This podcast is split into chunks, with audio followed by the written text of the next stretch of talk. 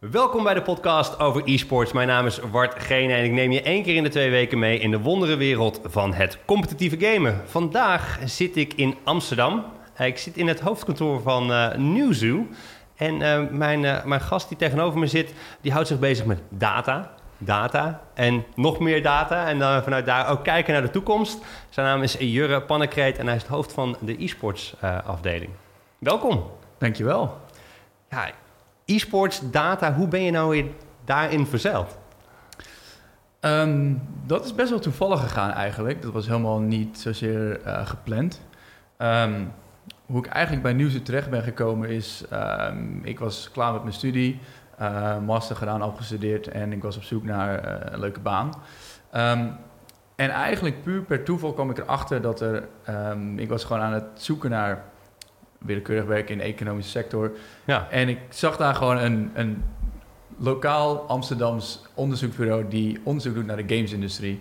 Eh, en dat had meteen mijn interesse, omdat ik eh, lifetime gamer ben, Oké. vroeger altijd gegamed, eh onwijs e-sports fan. Dus ik dacht meteen, hey, dit is interessant, ik kon het bedrijf helemaal nog niet daarvoor. Ehm, en zo ben ik eigenlijk daar gewoon naar binnen gerold. Ehm, eerst heel erg gefocust op de games algemeen, maar ehm, al vrij snel volledig geswitcht naar ehm, focus leggen op e-sports en alle data en ontwikkelingen die daarin binnengaan. Ja.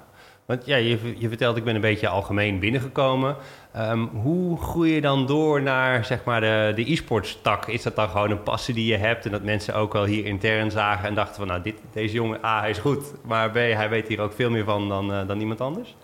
Ehm, eigenlijk wel. Ehm, ik, had, ik was al voordat ik bij Nieuwsuur begon groot e-sports fan. Ik keek gewoon heel veel zelf. En daar kwamen ze natuurlijk vrij snel achter, omdat ik vragen begon te stellen over, over data die we hadden over e-sports. En gewoon liet zien dat ik daar eigenlijk mijn meeste passie voor had. En de mensen die daar op dat moment mee bezig waren, eigenlijk veel minder wisten. Dus ik stelde vragen aan hun waarvan ze het antwoord niet konden Ja. benoemen. En wat is, ik die wat is eigenlijk zo'n zelf moest vraag? geven. Ja, wat is dan zo'n vraag die je stelde?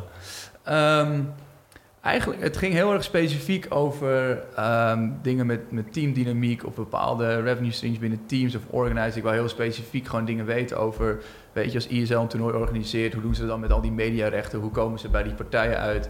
En dat waren op dat moment vragen die vooral de algemene gamesanalisten bij ons niet altijd even goed wisten te beantwoorden. Ehm, een aantal andere mensen in het bedrijf wel, maar die waren ook met andere eh, hele interessante vraagstukken bezig. Ehm, dus toen is eigenlijk heel natuurlijk dat ik me daarop ben gaan focussen en, en ben gaan achterhalen hoe die hele wereld in elkaar zit. En onze kennis en data op dat gebied eh, nog verder uit te breiden en te verbeteren. Ja, Nieuwsuur, onderzoeksbureau, zoals je zei. Ehm, jij begon met vragen stellen. Is dat dan ook een soort van de kern wat je, wat je hier doet? Eh, je, gewoon eh, ja, jezelf gewoon heel veel vragen stellen en daar dan het antwoord op zoeken? Ehm, Is dat, is dat wat je drive moet zijn? Dat is zeker wel wat je hier je drijf moet zijn. Als je, ehm, als je, we doen constant onderzoek en het onderzoek moet wel gedreven zijn ook vanuit zelf willen weten hoe die markt in elkaar zit, hoe consumenten zich gedragen, hoe gedrag verandert. Als je niet nieuwsgierig bent naar eh, hoe deze markt in elkaar zit, hoe e-sport zich beweegt, dan, dan, ga je, dan zit je hier verkeerd. Je moet altijd uit jezelf willen weten van ik zie deze ontwikkelingen, wat, waar komen die vandaan, hoezo gebeurt dit, Ehm, wat, wat vinden wij als bedrijf daarvan? Waarom denken wij dat dit gebeurt? En dan gaan we dat uitzoeken. Dan moeten we het onderzoeken, zodat bij ons, de mensen die bij ons komen, dat wij eigenlijk hun vragen weer kunnen beantwoorden. Maar wij moeten die vragen van onze klanten of mensen die naar ons toe komen, eigenlijk al een jaar van tevoren zelf hebben gesteld en uitgezocht. Omdat anders heb je er niet gewoon genoeg tijd voor om het echt goed aan te pakken, het goede onderzoek te doen. Dus bij Nieuwsuur zijn we altijd op zoek naar vragen vanuit de mensen die hier zijn, die vanuit jezelf komen, om die alvast gaan op gaan lossen voordat eigenlijk iemand anders er ook maar over nagedacht heeft. Dus ik kan een lijstje met tien vragen eh, achterlaten na, na, het na deze opname. Dat kan zeker. Dan gaan we, dan gaan we ze allemaal voor je uitpluizen. Nee, eh, en, maar het gevoel dat ik daar ook een beetje bij heb, bij het onderzoeken en het willen weten van die vragen, eh, dan denk ik ook vaak een beetje aan, aan, aan journalistiek. Eh, en dan niet het stukje entertainmentjournalistiek van eh, het beschrijvende eh, wedstrijdverslag, maar ja, meer misschien eh, ja, de journalistiek, hoe werkt het, eh, hoe zit het in elkaar. Is dat ook iets geweest wat jou heeft aangetrokken of is het meer van, vanuit je economische achtergrond je dacht, dit past mij beter? Ehm, ja, mijn, mijn drive komt wel meer vanuit economische achtergrond. Ehm, om gewoon echt te begrijpen hoe die, hoe die markt in elkaar zit. Ook op een meer financieel ehm, stuk. Maar het, het stukje onderzoek wat daarbij komt kijken en, en wat wel enigszins linkt aan journalistiek, gewoon iets helemaal uitpluizen en weten hoe het zit. En ehm, eigenlijk zo'n markt helemaal begrijpen en de mensen die geïnteresseerd zijn in zo'n markt, de bedrijven die erin spelen. Ehm, dat, dat vind ik heel interessant om gewoon super goed te weten waarom gebeurt nou eens iets in zo'n industrie. Of eigenlijk, uh, wat nog belangrijker is, um, zeker voor mij, is niet waarom gebeurt iets, maar al vijf jaar van tevoren weten, dit gaat over drie jaar gewoon, is dit de nieuwe norm. Dit, is, dit gaat gebeuren volgend jaar. Uh, en, en dat weten en daar dat eigenlijk kunnen weten, dat is eigenlijk wat, wat mij het meeste drijft. in, dus je bent een soort van trendwatcher? Eigenlijk wel, ja. Het is een combinatie tussen trendwatcher, uh, data-analyst en, en een soort van journalist. Nou, Newzoo, mocht je er nog nooit van gehoord hebben, nou, ik in ieder geval wel. Uh, waar zouden mensen Newzoo van uh, moeten kennen? Um, mensen zouden Nieuwsuur moeten kennen als um, de marktleider op het gebied van um, marktdata of consumentendata of andere vormen van informatie over de games, e-sports en mobiele markt. Uh, daarin zijn we wereldwijd nummer één. we werken met alle grote partijen in de technologie, digitale sector bijna. zeker binnen e-sports wordt onze data heel veel um, gequote of aangehaald in, in pers of uh, presentaties. Of dus als er iets in de pers zie staan, dan grote kans dat het een, een, een, nummer is dat of een cijfer is dat van nieuws vandaan komt. De kans is zeer groot dat als jij data over e-sport ziet, dat dat uiteindelijk bij Nieuwshoe vandaan komt. Um, ook al worden we niet altijd direct genoemd. Nou, uh, nou ja, zoals bij iedere gast heb ik altijd uh, drie stellingen. En ik dacht, nou, nu we het hier toch over gehad, gehad hebben, dan heb ik gelijk een, een, een, een, een mooie brug. Uh, het idee bij de stellingen is ja of nee antwoorden. ze zijn een beetje af en toe extreem gezet. En dan kunnen we daarna kunnen we het erover hebben en, en nuanceren. Want de nuance is er natuurlijk altijd. Um, de eerste stelling voor jou is... Onze data gaat te vaak een eigen leven leiden in de media. Ja. Binnen een paar jaar gebruiken we de term e-sports niet meer. Ja. Dat zijn twee ja's. Nu ben ik heel benieuwd of de derde stelling ook een jaar wordt. De overname uh, van Superdata door Nielsen is goed voor de markt. Nee. Oh, nou, dan, dat is iets waar ik al heel erg uh, benieuwd naar ben. Maar dat, uh, komen we dan later bij. Ik wil het eerst hebben over die, over die data. Die data in de, in de media. Want ja, dat zie ik zelf ook. Uh, ik, gebruik die data natuurlijk ook wel binnen mijn, binnen mijn eigen dagelijkse gebied. Want je moet vaak gewoon vertellen, nou, hoe groot is die markt dan? Ja. Um, wat, wat, wat, wat zou je kunnen vertellen? Zeg maar, hoe komt uiteindelijk die, die data A in de media? En, en, en B, hoe gaat dat hoe, hoe, is, hoe, hoe, loopt het soms zo, zo uit de hand? Zeg maar? Als ik iets lees over e-sports, is e-sports altijd booming. Ik denk dan altijd, waarom laat je dan een lege zaal zien? Um, nou ja, deel, deels gaat het natuurlijk ook goed. Er zit nog steeds groei. Maar um, ja, hoe het vaak gaat met onze data, uh, dat in de media komt, is... Uh, nou, om het saaie proces even te omschrijven. Het gaat op vooral twee manieren. Dat is één, uh, wij brengen heel veel eigen content naar buiten over hele toffe dingen die we in de markt zien gebeuren. Daar geven we mhm. dan ook gewoon data bij. Uh, dat doen we ook regelmatig over e-sports. Uh, sommige dingen op een hele uh, structurele basis, zoals maandelijkse rankings over de meest uh, gekeken e-sports games. we maken op kwartaallijkse basis rapporten. Daar komt altijd hele interessante informatie over de markt uit. Um, en doen heel veel whitepapers, andere content. Dus op die manier komt er heel veel vanuit ons heel veel data en ja. Een soort van onze opinie de, de markt in. Eh, de media, eh, ja, online media in. Uh, en tweede is heel veel journalisten waar wij bekend mee zijn. die komen vaak naar ons toe om, als zij een stuk aan het schrijven zijn... of wij daar hun bij kunnen helpen met iets van data, iets van onderbouwing... of onze mening of onze um, soort van marktkennis daarop los te laten. Dus ook op die manier komt heel veel van onze data de pers in. Ja. en daarom worden wij ook best veel gequote, omdat dat die twee uh, bronnen zijn dan vervolgens natuurlijk vrijelijk door iedereen opnieuw te gebruiken. Um, en daar gaat het ook vaak mis, omdat we vaak zien dat um, in originele. Met, met onze data is het heel belangrijk, en dat is altijd zo, om de juiste context te begrijpen waarin uh, deze data is geplaatst of um, ja, wat het precies inhoudt en waar het precies over gaat. En vaak als iets een paar keer wordt gequote in de media en het gaat van, van journalist op journalist en van stuk op stuk, verdwijnt die context ehm, en worden opeens uh, van onze datapunten eigenlijk op een hele um, verkeerde manier geïnterpreteerd en gebruikt als bewijs voor soms um, te veel groei of te veel enthousiasme, of juist soms ook niet. Dat mensen het verkeerd begrijpen en het juist denken dat we, um, dat, dat we uh, markten understaten of het niet, niet goed genoeg begrijpen. Um, en dat is af en toe wel een, een issue, omdat we heel veel, omdat we dat best wel regelmatig zien. Dat, wat is, uh, nou, wat is nou echt zo'n cijfer waarvan je zegt dat is echt nou, af en toe uh, zo'n enorm leven gaan leiden en uit verband getrokken dat ik, ik, ik, ik snap niet hoe dat, je, je snapt inderdaad al hoe, ja. hoe het gaat, maar um, uh, ja, wat, wat, wat, is zo'n zo, zo, zo cijfer, zo'n getal dat, dat misschien is wel een beetje een running gag geworden of zo voor, je, voor jezelf? Um, ik zit even goed na te denken over wat is, wat is een typisch voorbeeld dat ik meteen weet, maar um, nou, er zijn, zijn gewoon onze totale revenue cijfers voor de e-sportsmarkt worden, uh, worden soms wel echt gewoon echt verkeerd gebruikt in dat wij alleen kijken naar de professionele markt en het globaal cijfer is. Uh, en dat dat soms opeens wordt toegepast op uh, een amateur scene die uh, eigenlijk gewoon draait op community participation. En daar, vandaar wordt gezegd dat, dat, dat daar honderden miljoenen dollars aan geld in omgaan. dat is natuurlijk niet het geval. Um, dit gaat puur om echt professionele stukken waarin um, waarin mensen gewoon heel veel uh, naar kijken. Um, ook voor die kijkerscijfers, wat typisch, waar typisch fout gaat, is dat um, we hebben een, een e-sports audience uh, cijfer, wat gaat over mensen die één keer in het jaar een keer naar e-sports kijken. We hebben ja. ook diepere data over mensen die veel vaker kijken, wat voor veel mensen veel interessanter is.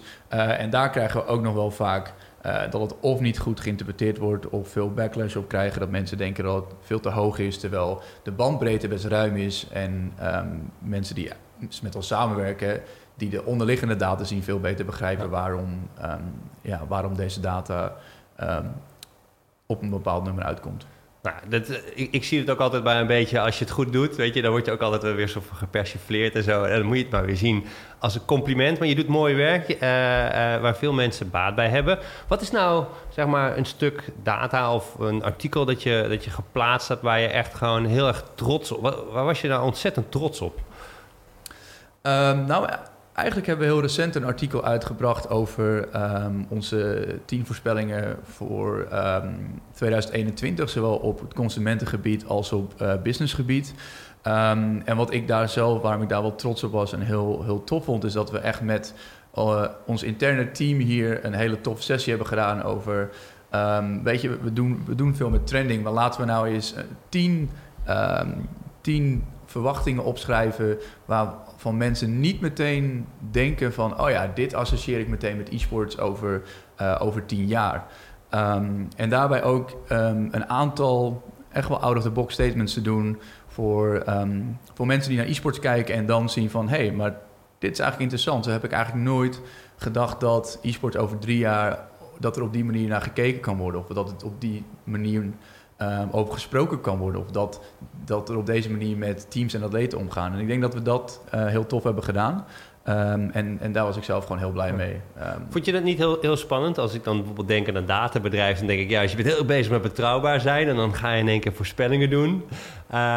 ja, en dan, moet, dan is het nog maar de vraag natuurlijk of ze uitkomen. Natuurlijk is het al ergens op gebaseerd, maar is dat niet ook een soort van. Uh, maakt dat het leuk dat je heel even in plaats van dat je heel betrouwbaar moet zijn, toch even mag speculeren? Um, ja, dat maakt het daarom eigenlijk inderdaad heel leuk, omdat het een hele grote afwisseling is van um, naar de data kijken en heel erg datagedreven voorspellingen doen. Uh, een paar van die tien voorspellingen zijn ook wel heel erg datagedreven, maar juist dat stukje speculeren en, en durven iets, uh, iets te claimen wat wij verwachten dat over, uh, over een paar jaar gaat gebeuren, waar, um, waar we soms helemaal niet, de, om eerlijk te zijn, helemaal niet de data achter hebben, om dat, te bewijzen op dit moment. Is dat best wel, uh, is dat best wel een beetje spannend. Er ook of mensen denken van, ja, jullie zijn gek, dit, uh, dit, dit gaat helemaal nergens over. Of juist dat het een, wat we hopen, een, een gedachte um, sparkt bij mensen die het lezen en ze op een andere manier naar die industrie gaan kijken en denken: hé, hey, maar als dit gebeurt, dan snap, dan snap ik opeens waarom heel veel mensen hier ehm, zo positief over zijn, of zo mee bezig zijn, of hier zoveel potentie in zien. Ja. Ehm, en dat hopen we hier vooral mee te bereiken. Ja. Voordat we naar die tien stellingen gaan, waarvan ik er eentje uit heb uh, gepikt ook, want ik vond het een zeer interessant artikel om te lezen. Uh, wat zijn nou een beetje de, de, de cijfers, uh, als je ze moet opsommen voor de wereldmarkt en, en, en voor Nederland? Wat een beetje een handvat is ik probeer even eh, zeg maar het naampje daarvoor te, voor te geven. Maar een soort van handvatten die je eigenlijk gewoon altijd wel paraat hebt op het moment dat iemand ernaar vraagt. Ja, nou, als we kijken naar de globale markt, is er op dit moment um, zijn er ruim uh, eh, 380 miljoen kijkers, die dus minimaal één keer per jaar uh, kijken. Um, ongeveer de helft daarvan kijkt minimaal één keer per maand uh, naar een vorm van e-sports. Dat kan een hele wedstrijd zijn, maar dat kan ook elke maand gewoon highlights uh, kijken of andere vorm van content. Het hoeft die, geen livestream te zijn. Het hoeft niet geen livestream te zijn. Een, een VOD of kan ook een VOD zijn. YouTube-video. Ja. Of een, een YouTube-video, een highlight-video. Um, het is wel puur e-sports content, dus um, echt wel gericht op het professionele stuk. Um, Qua revenues globaal zit uh, de markt dit jaar op um, ruim 900 miljoen dollar. Uh, qua verwachting, het grootste deel daarvan komt vanuit uh, sponsorship, gelderen. Um, ook een deel advertising en media rights echt in opkomst. en voor de Nederlandse markt specifiek, dat is een nog wat kleinere markt globaal, maar um, heeft ruim een miljoen, meer dan een miljoen kijkers. In 2018 verwachting 1,3 miljoen e-sports kijkers. en dat groeit in 2021 naar 1,8 miljoen. Oké. Is de verwachting. Ja, ja, nee, ja dat, dat is inderdaad dan uh, de verwachting waar het, uh, waar het naartoe gaat. Uh, maar ook fijn dat je inderdaad dan daar wel even de context bij geeft. Inderdaad, nu kan je natuurlijk gewoon zelf controle over ja, één keer per jaar en dan de helft mensen die, eh, mensen die kijken. maar die, die, die tweede stelling, en dat vond ik een, een hele interessante, want dat is ook wel eentje waar ik mezelf in kan vinden. de term e-sports gaat binnen tien jaar zo, goed als verdwijnen. Waar komt dat idee vandaan? Dat komt eigenlijk heel groot.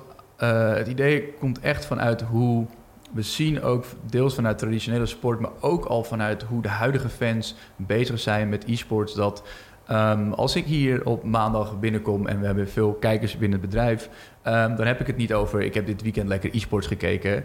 Dan heb ik het over ik heb dit, ik heb dit weekend IOLCS-finale gekeken en daarnaast ook nog Dota. En iemand anders zegt, nou weet je, ik ben lekker Fortnite en Overwatch gaan kijken. Um, en vaak dan weten we echt, er zijn specifieke toernooien of, of die je kijkt. En er wordt niet meer gezegd, ik ben e-sports aan het kijken. Zo wordt er online niet gesproken. Zo, zijn, zo is de community um, niet met elkaar bezig. Um, hoewel ze zich echt wel verbinden in, in e-sports, omdat het zo'n nieuwe beweging is, dat er toch een verbinding is met iedereen die interesse heeft in e-sports en e-sports kijkt um, zijn die communities van die verschillende games en die kijkers wel echt, echt verschillend. Um, en waarom wij echt geloven dat, die, dat de term e-sports daarom um, zo goed als, we zeggen ook zo goed als uh, de nuance weer verdwijnt, is omdat we dat ook aan, aan de industriekant en businesskant met de kennis die nieuwe partijen, sponsors gaan opdoen, die gaan begrijpen dat die communities heel anders zijn. Um, dat die ook niet meer gaan zeggen: ik sponsor e-sport of ik sponsor een e-sports toernooi. Die zijn gewoon bezig. Ik ben betrokken bij uh, de, de NELCS. Ik ben een sponsor van uh, een, een Dota Major.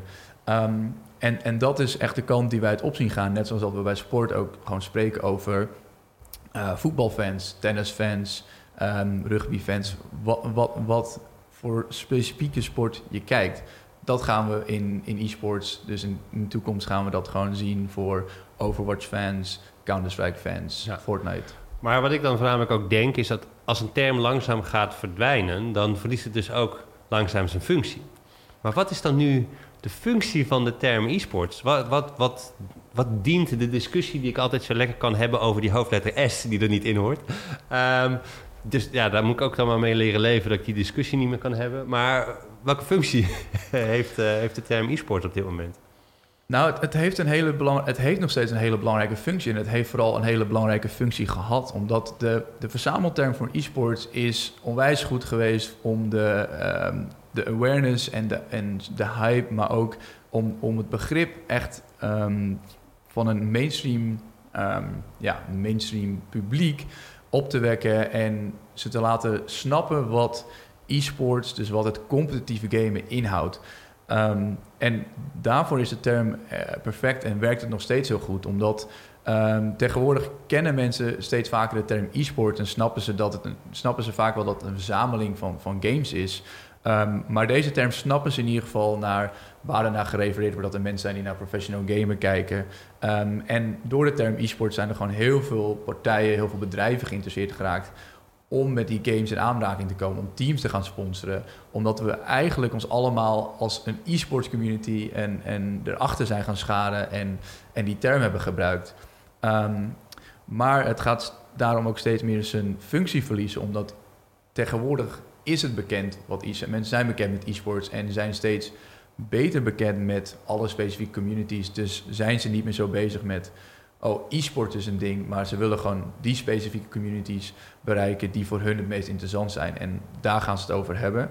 Ehm, maar op dit moment, de verzamelterm doet nog heel veel goed voor media en voor een breed publiek om te begrijpen waar we het over hebben met z'n allen. Ja, maar straks weet het iedereen gewoon meer inhoudelijk over e-sports, wat het is. Dan hebben we niet meer. Ja, dan heb je misschien nog wel studio sport uh, voor e-sports. Um, uh, maar dan gaat het dus inderdaad gewoon over wielrennen en, uh, en, en, en wat dan ook. Wat is nog zo'n zo'n zo'n statement uit die 10 voor 2021, zei je? Uh, ja, die je wel, wel, wel spannend vond. Waarvan je denkt, ja, hier sta ik wel echt... ja, deze gaan mensen toch wel een beetje, een beetje, een beetje spannend vinden. Um, wat ik zelf een hele leuke vond... en ook met de recente... uh, aankondiging die Nike gedaan heeft, is dat wij verwachten dat er tegen 2021 een, uh, een e-sports atleet um, in een grote Nike commercial heeft gespeeld. Um, zoals nu um, de Amerikaanse NFL, ik ben even snel zijn naam. Ka Kaepernick. Yes, die ja. uh, gaat doen. De, de, man die knielde. De man die knielde. als eerste, ja.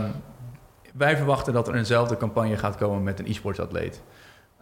en dat vond ik wel een heel interessant, omdat het voor, denk ik, heel veel mensen op ineens heel veel tastbaarder wordt als je niet zozeer in de e-sports-industrie zit. Dat je, dat je dit soort reclamespots ziet en de, de, degene die je kent met, uh, met, met Ronaldo, met Michael Jordan, met al die grote atleten. En dan gaat bedenken, hé, hey, maar opeens komt er dus een, een e-sports atleet, iemand die, die videogames speelt, die komt in zo'n reclame. Die is net zo'n boegbeeld in onze wereld als deze atleet. En dan Um, dat vind ik denk ik een hele grote uh, milestone als dat, als dat zou gebeuren. En wij verwachten dat het gebeurt, omdat er zoveel jongeren zijn die deze atleten kennen. En voor hun zijn dit al hun sterren en boegbeelden. Um, en dat, dat vond ik zelf een van de leukere om, uh, om naar buiten te brengen ja, en, en, en, te horen wat mensen daarvan van vonden. en is, is Nike dan bij uitstek het merk dat dat als eerste zou moeten gaan doen, of waarschijnlijk als eerste gaat doen? Uh, het zou, niet, het zou niet per se Nike moeten hoeven zijn, maar Nike is zo kenmerkend in, in de sportswereld met, met hoe ze iconen en um, hoe ze die gebruiken voor, voor hun merk en hoe ze die neerzetten in hun campagnes en reclames, dat um, juist specifiek Nike een, een hele interessante was om dit te doen. Omdat ik verwacht dat Nike als geen ander ook um, zo'n e-sports atleet op een, op een fantastische manier neer kan gaan zetten. Nou, laten, laten we nog eentje doen. Nog, nog zo'n nog zo voorspelling. Um, nou, wat ik bijvoorbeeld iets uh, wat ook helemaal out of the box was, was um, dat we eigenlijk verwachten dat er, um, dat er op bijvoorbeeld een eiland als Ibiza uh, heel veel e-sport evenementen georganiseerd gaan worden. Iets wat, waar mensen helemaal niet mee bezig zijn, maar waarom dat zo is, is omdat we zien dat een eiland als uh, Ibiza, wat toch bekend staat als een plek waar veel jongeren heen willen gaan, een feesteiland, ook die mee zou moeten gaan met als er een verschuiving is in de interesse van jongeren of een manier is om die jongeren op een andere manier naar je eiland te binden. Dat het natuurlijk super interessant is om, om dat soort evenementen te organiseren, waarbij een hele groep, grote groep jongeren zowel naar een tof e-sports evenement kan gaan als kan genieten van de natuur en het uitgaansleven. Ja, dus eigenlijk een, een game-eiland. Het, het, een onderdeel van Ibiza wordt dat het een game-eiland wordt. Ja. Maar moet je dan daar wel maar met 100 man en dan om de zoveel tijd uh, moet er iemand weg? Of, uh, nou, het, is, het wordt geen Battle Royale. Het wordt geen, het wordt geen letterlijke Hunger Games, maar uh, ja, meer, meer gewoon dat daar echt gewoon evenementen, grote evenementen in stadions ah, worden georganiseerd. Uh, en ik hoop niet dat het een à la Battle Royale mensen het eiland afgeschopt worden.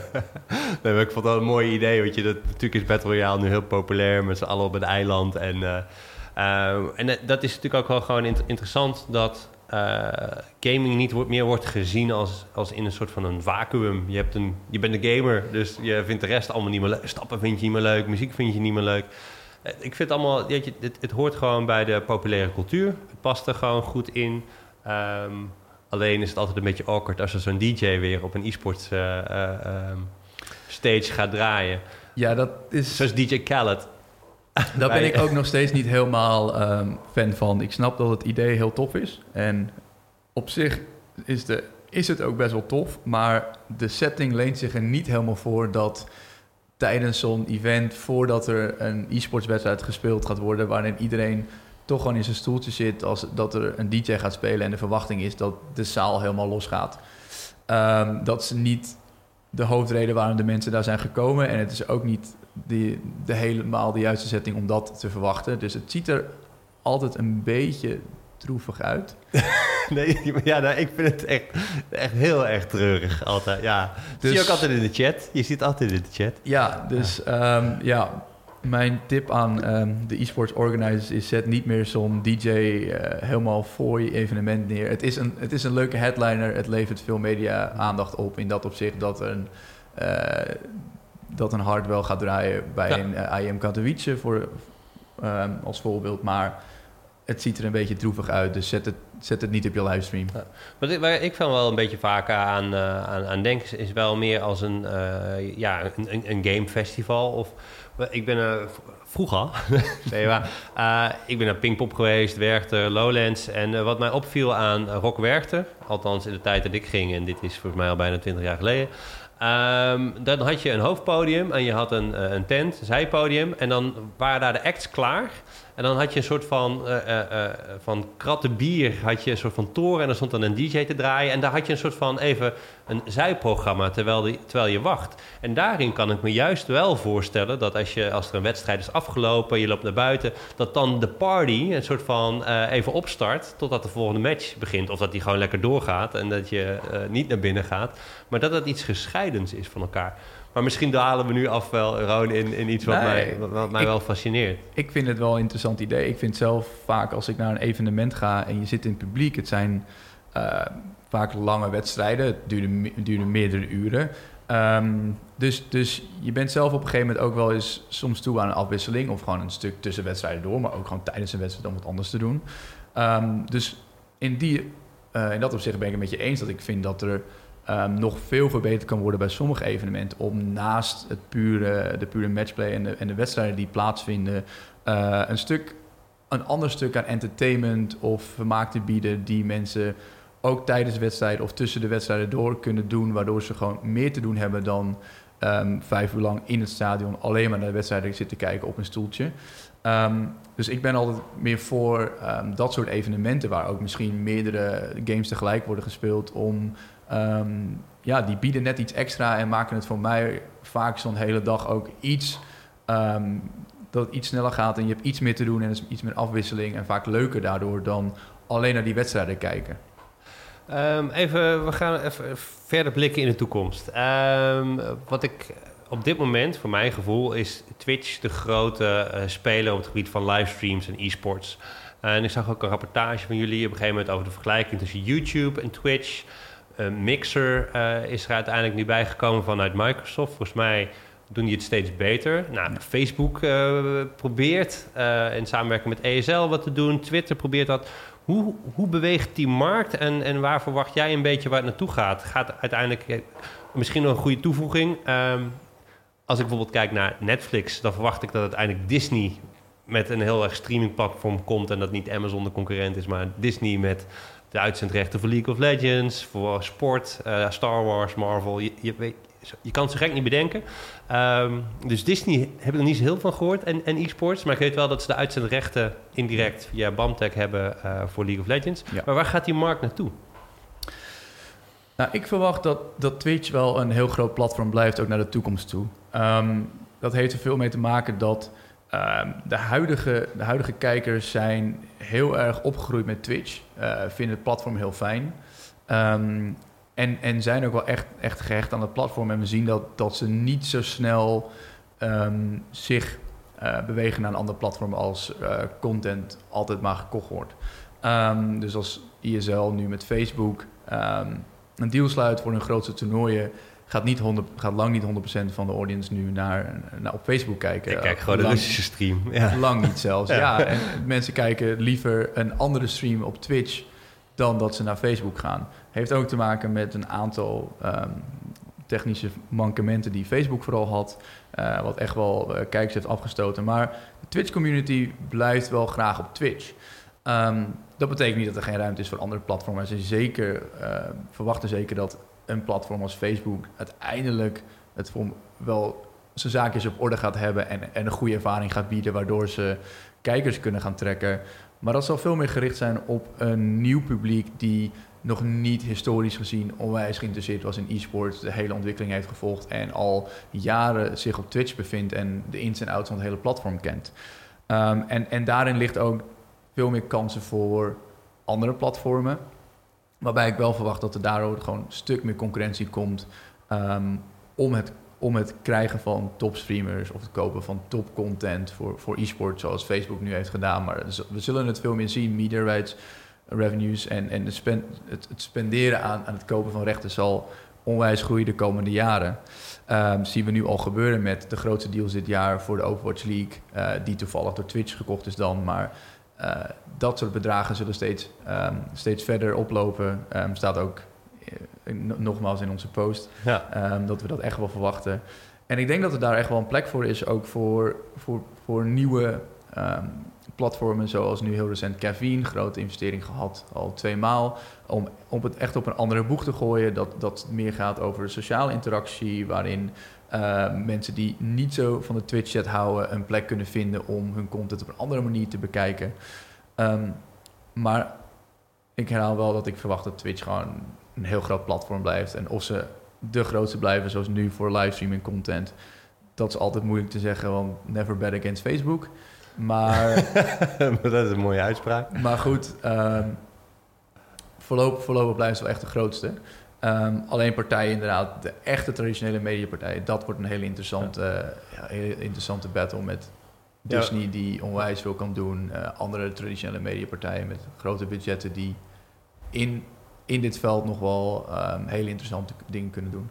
Maar is dat niet ook een uitdaging in die zin dat um, ik heb ook wel eens met mediapartijen gesproken, meer de traditionele. En dan uh, is de vraag altijd, ja, we willen, nou dan kom je weer, we willen e-sports uitzenden. Nou, dan moet je dus uitleggen dat het inderdaad een verzamelbegrip is. Um, ja, en maar welke licentie uh, koop je dan? Want ja, je kan inderdaad, uh, als je League of Legends, ja, dan heb je de LCS, maar dan heb je niet Counter-Strike of dan heb je niet Hearthstone. Dus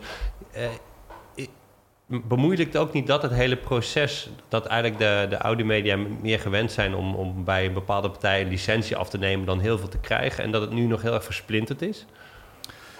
Um, dat voor, voor mediarechten uh, vermoed ik dat het proces wel degelijk, zeker voor, um, voor die scenes die heel erg uh, toernooi gedreven zijn, omdat elke week is een ander toernooi. En er is niet één organisatie waarbij jij alle toernooirechten in één keer kan kopen. En jij kan zeggen, ik zend alles wat Dota is of Counter-Strike is uit. Je moet met elk toernooi of in ieder geval elke organisator opnieuw uh, gaan onderhandelen. En dat zijn er nogal wat.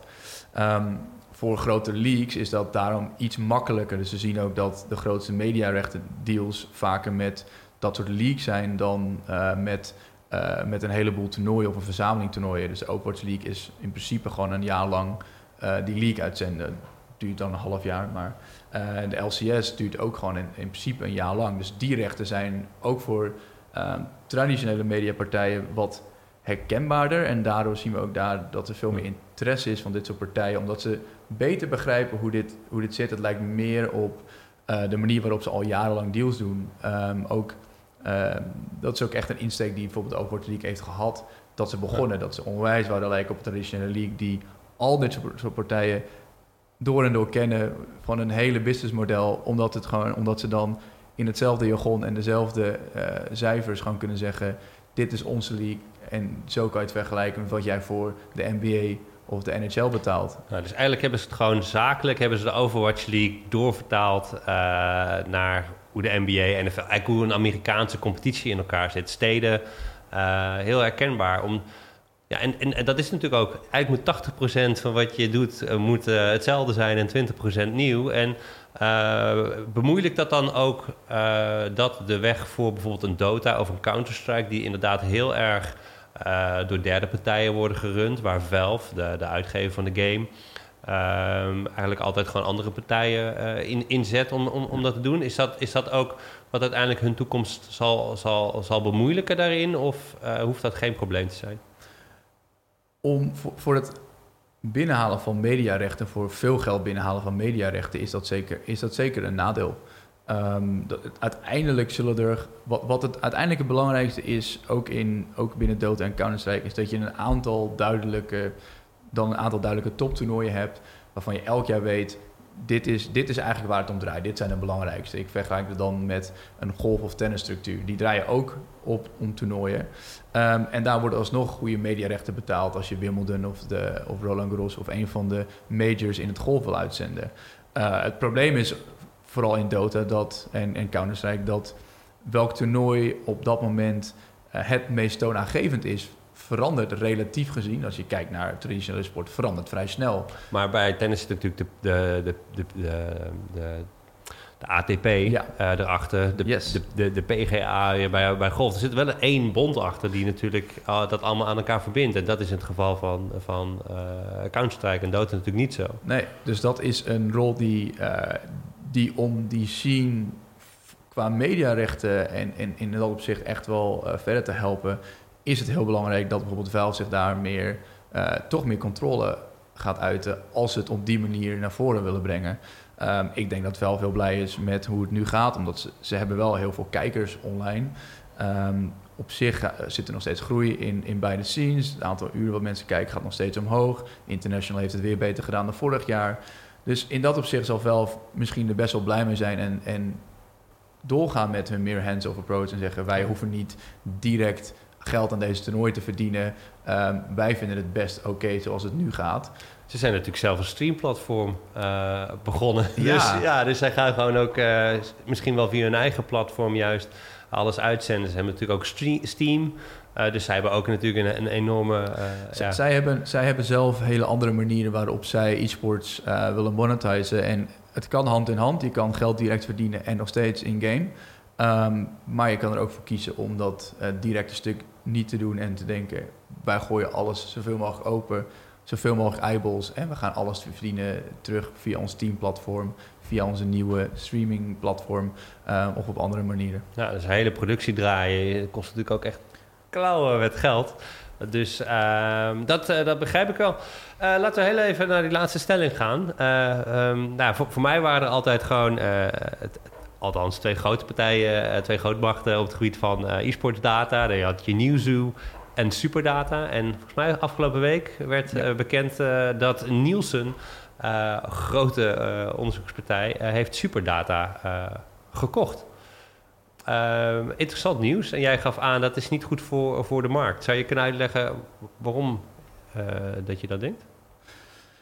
Ik denk waarom, waarom ik vind dat dat niet een, een goede ontwikkeling is voor de markt, is omdat um, eigenlijk was er qua grote spelers, wat je zoals zei, binnen, binnen e-sports onderzoek, um, waar het, is het nieuw, Newzoo en Superdata. Zo, zo zagen wij. Het zijn andere partijen die zich ook, uh, ook marktdata naar buiten brengen, maar uh, in principe was dat de grootste, voor ons grootste concurrent of de grootste andere partij die het ook deed. Um, en ik denk dat het goed is dat je um, een partij houdt die zich grotendeels blijft focussen op um, het doen van onderzoek naar e-sports om die concurrentiestrijd te blijven gaan. Ik denk dat het goed is voor de industrie als dat gebeurt. Het hoeft niet meteen te betekenen met overname. Ze gaan natuurlijk gewoon hun activiteiten doorvoeren. Het is niet dat, dat ze niet meer bestaan. maar ik denk dat een onafhankelijke superdata voor ons ja, misschien wel gevaarlijk of, of meer tegenstand zou kunnen bieden dan soms als je bij een hele grote partij hoort die, waar je toch overgeleverd bent aan hun algemene strategie. Als, als ze van mening zijn dat jij je meer moet gaan focussen op uh, minder publieke data leveren of minder, uh, minder steun voor de industrie of iets dergelijks. Um, zal er toch gewoon uiteindelijk minder uh, informatie over de e-sportsindustrie naar buiten komen.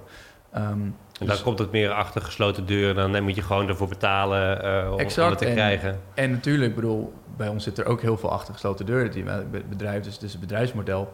Um, maar dat zou kunnen dat dat, dat dat gebeurt. Ze hebben het nu niet meer altijd in eigen hand. Er zit een partij boven waar ze toch uh, uiteindelijk naar moeten luisteren.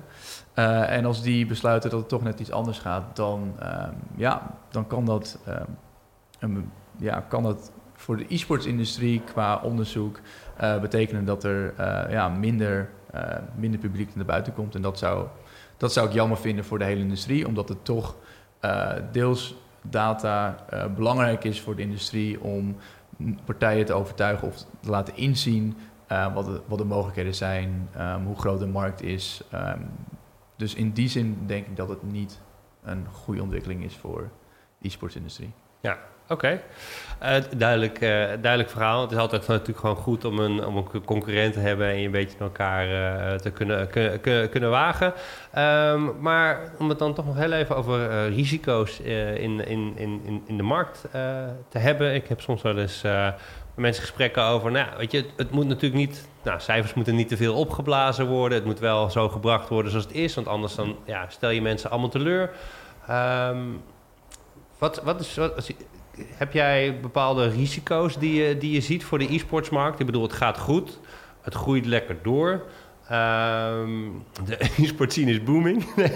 Eh, ik, vind dat zo, ik vind dat zo interessant. Dat in de Nederlandse pers begint het altijd met... De, of de e-sport scene uh, is booming.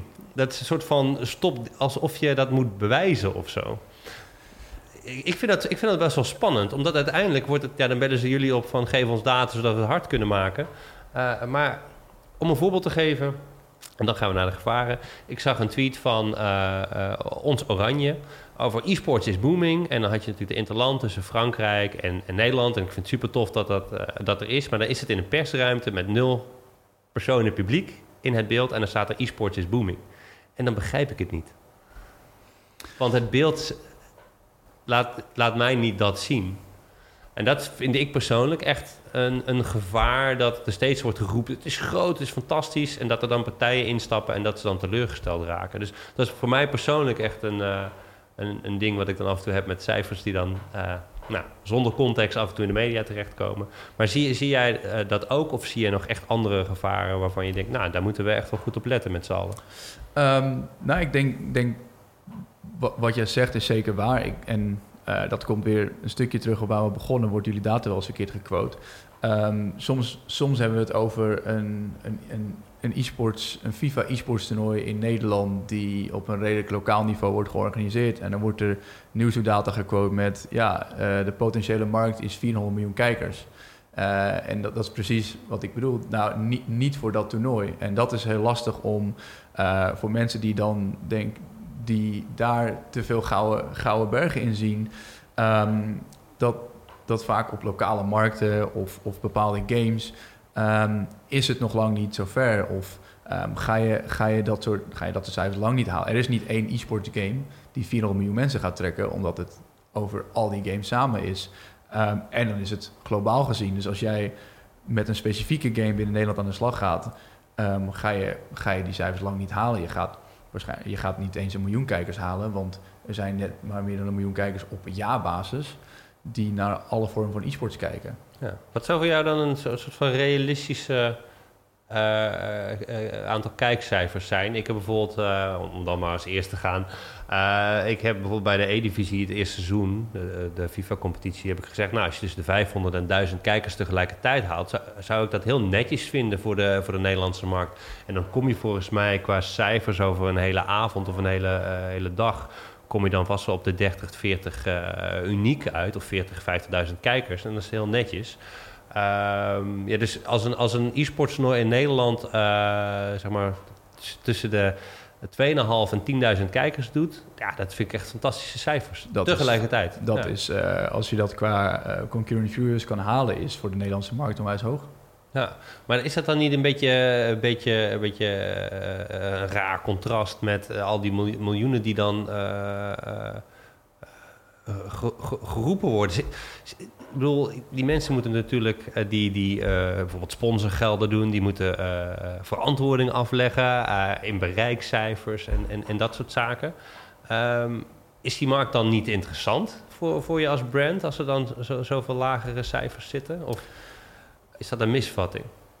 Ik denk dat het nog steeds wel interessant kan zijn. Het is alleen wel, het is natuurlijk een heel andere schaal dan waar, waarover je praat. Die, de exposure die je kan, kan halen als je ehm, de League of Legends World Championship Finals uh, sponsort. Of een van die grote internationale toernooien. Daar kijken de miljoenen mensen naar. Ehm, maar dat, uh, inderdaad, als je een Nederlands een toernooi op dit moment in Nederland doet en als sponsor, dan uh, moet je geen rekening houden met een miljoen kijkers. Als jij, zoals je aangeeft, als jij 50.000 kijkers hebt voor een uitzending, uh, is, dat is dat best wel netjes voor de Nederlandse markt voor één, uh, voor één uitzending. En daar moet, je, daar moet je op anticiperen. Dat kan nog steeds een heel interessante markt zijn, want het zijn jonge mensen die zijn vaak hoog opgeleid, een hartstikke, een hartstikke interessante doelgroep voor meerdere doeleinden. Maar je moet inderdaad niet verwachten dat het, dat het meteen miljoenen kijkers gaat opleveren. Zeker niet binnen de Nederlandse markt. Dat is echt weggelegd voor de, de, top toernooien op internationale markt, die echt een, een globaal publiek trekken. Um, daar ga je echt een heel groot publiek mee trekken. Uh, maar ja, dan zit je ook over andere sponsorbedragen te praten dan een Nederlands toernooi. Um, maar dat is heel belangrijk. En, en, en in die zin is dus altijd context heel belangrijk, omdat als je kijkt naar de frequente kijkers in Nederland, zijn dat er rond de 400.000 dit jaar. Dat betekent dus, daarom zeg ik, als jij dus met één uitzending van die mensen 50.000 doet, heb je dus uh, een achtste van, die, van al die mensen heb je te pakken met jouw uitzending. Dat is best wel, dat is een heel goed resultaat. Dus je moet, ik vind dat inderdaad deels een risico en waar ik altijd belangrijk vind om de context van onze data ook te kunnen geven, omdat soms worden deze, dit dus uit context getrokken en verwachten mensen te veel. Um, en dat is zonde, want dan stappen ze in e-sports met te hoge verwachtingen, stoppen ze er misschien te veel geld in en, en trekken ze daarna de stekker eruit en denkt iedereen die aan de andere kant die investeringen ziet, oké, dit uh, zijn mensen heel erg geïnteresseerd, hoge investeringen, daar gaan, we, daar gaan we vanuit voor de komende paar jaar en dan na een jaar ben, ben je je sponsor kwijt en, en kan je weer opnieuw beginnen. Um, dus dat, dat vind ik een, in deels een risico voor de, voor de globale e-sportsmarkt is de hoeveelheid investeringen die we zien. Um, die moet wel ingelost worden door nieuwe revenues die er gegenereerd worden.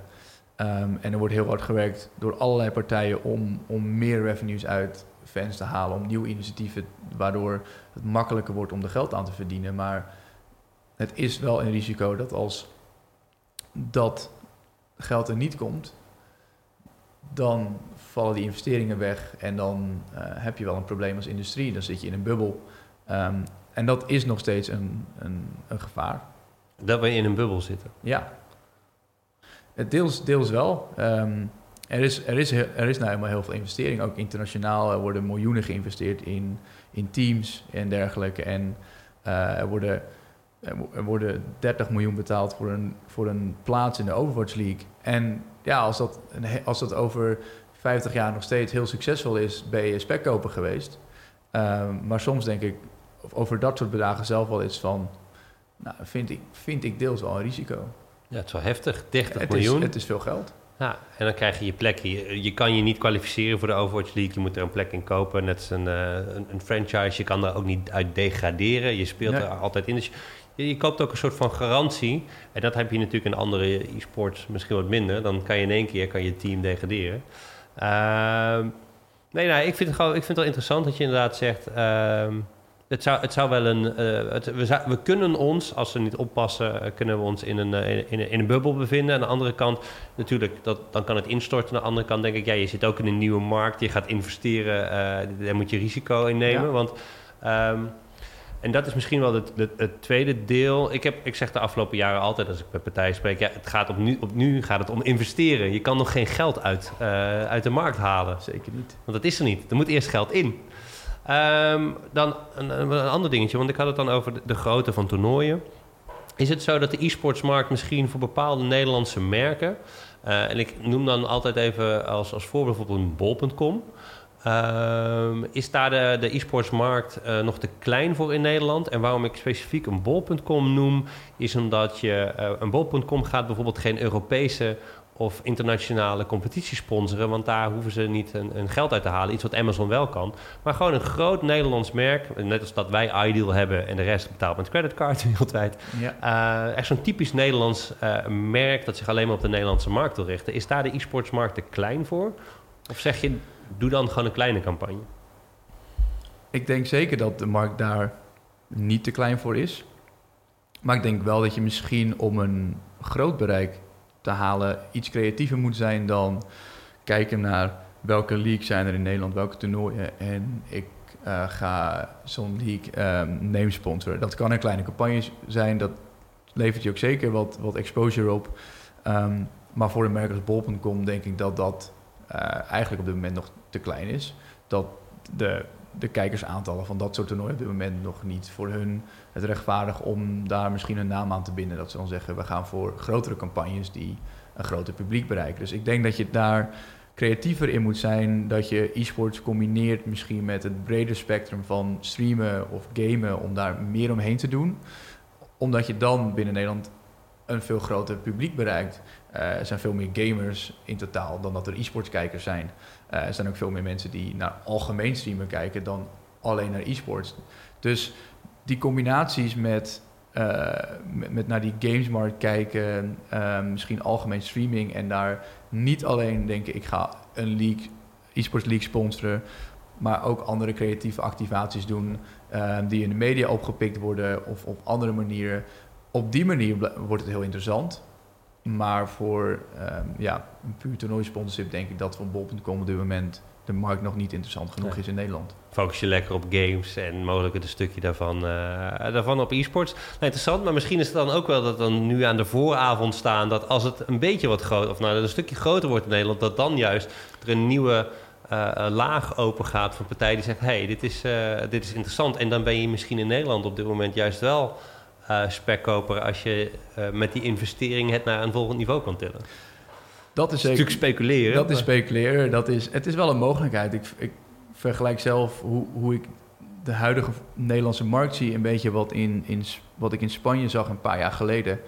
Um, waarin er heel veel lokale initiatieven werden opgezet. Um, waarin lokale arena's werden gebouwd waar mensen konden, konden spelen. Wat we nu ook hebben met de e-sports um, arena in uh, Alphen natuurlijk. Um, dus er zijn heel veel lokale initiatieven, er wordt heel veel, heel veel gedaan. En in Spanje heeft dat uiteindelijk geresulteerd in een paar jaar dat er een hele sterke lokale league is. Uh, een hele goede lokale uh, organizer, de LVP. Ehm, en eigenlijk een, een, hele sterke sociale of een lokale markt is ontstaan. Um, waarin nu wel hele grote merken zoals Movistar, die echt internationaal, maar vooral op Spanje gericht zijn, die zijn daar nu mee aan de slag gegaan.